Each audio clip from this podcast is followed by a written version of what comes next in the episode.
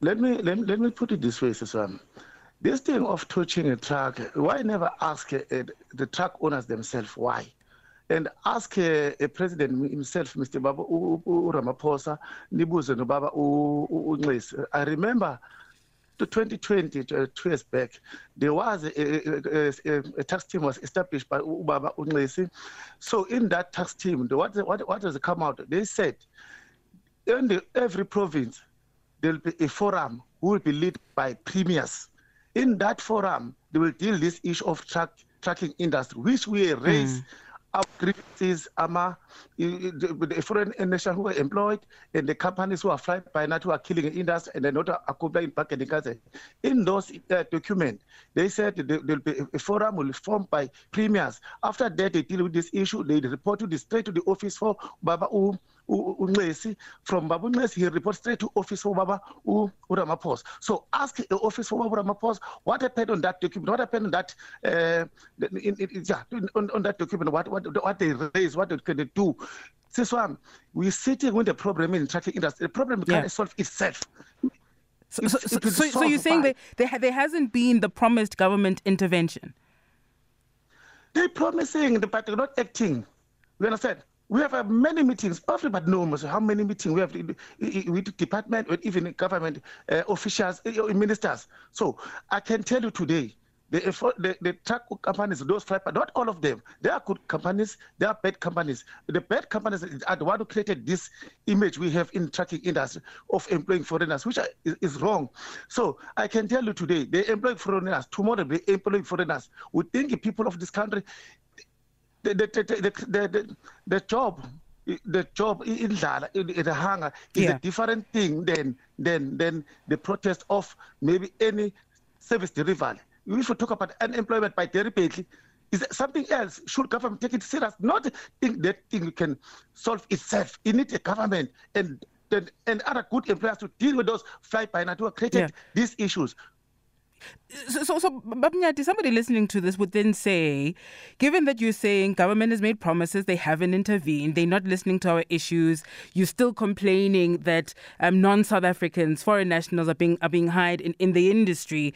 Somebody may be listening to this and say, well, these are all the reasons, um, and, and, and you know, to, to make you, in fact, uh, perhaps take matters into your own hands so that you get the attention that, that you're wanting to get from uh, from government, from the from the police. So maybe the police minister's assertion here to say that uh, it's it's your own fights and issues that are behind these attacks that we're seeing.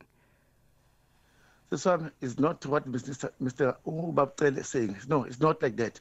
As I told you, every organization they got their differences, but the difference that it means we are crack. It's just one fund, fund or one common common common sense how to move our, our struggle forward. You understand? As I told you, first of all, let me say, all what's happening in the road is not our our members. What's all uh, happening in the road on touching is not our organization. Maybe, maybe it's the people who are not employed in this country. Maybe it's the drivers. You understand? But the, the day, the day, this truck owners or these companies, they stop to employ foreigners. Those who still have, they remove them, they, they, they employ South African. Uh, the day government mustn't talk, talk, talk, not doing action. Maybe we'll never see this thing. I, I for sure won't see uh, this, this, this what's happening. Uh, Only thing we want, yeah. Everything we want is enforcement of the law of this country. Only thing we want, must South African must employ as as the forum, because as you rightfully say that uh, these these sort of attacks, these acts make you all look bad.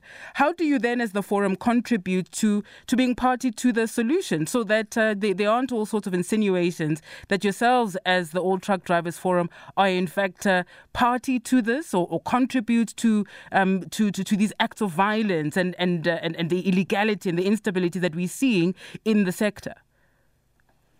Mm. So, what we have to do, what we have to do, we address the issues to the government. We address the issues to the employers themselves. Remember, last year we signed a document in, in 20 June in, in Pretoria on the presence of all four ministers. You understand? And the employers, RFA was there, TASA was there, the Useless People Union was there, Marketing Council was there. You understand? That's what we have a power to address the issue. You need the government and, and the employers themselves to come on one common com, common, common sense and remove foreigners and the tracking industry must come on stability. That we can. So on that bad, uh, bad, bad image they saying about our organization is an old song from 2018 when something wrong is going to ATDF, something wrong is going to ATDF. But we not hear anyone pointing a finger on the companies what created this thing because we got this problem because of a truck owners those fly by night. No one pointing a finger there. But you find the people mooning is economy sabotage economy killing economy. But tell let tell me this one who's killing economy?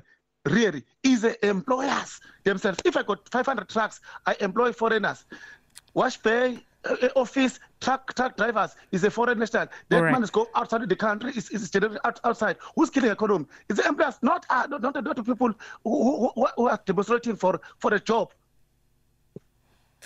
We'll have to leave it there this afternoon. Sfiso Nyati, thank you for your time. The General Secretary of the All Truck Drivers Forum and Allied South Africa on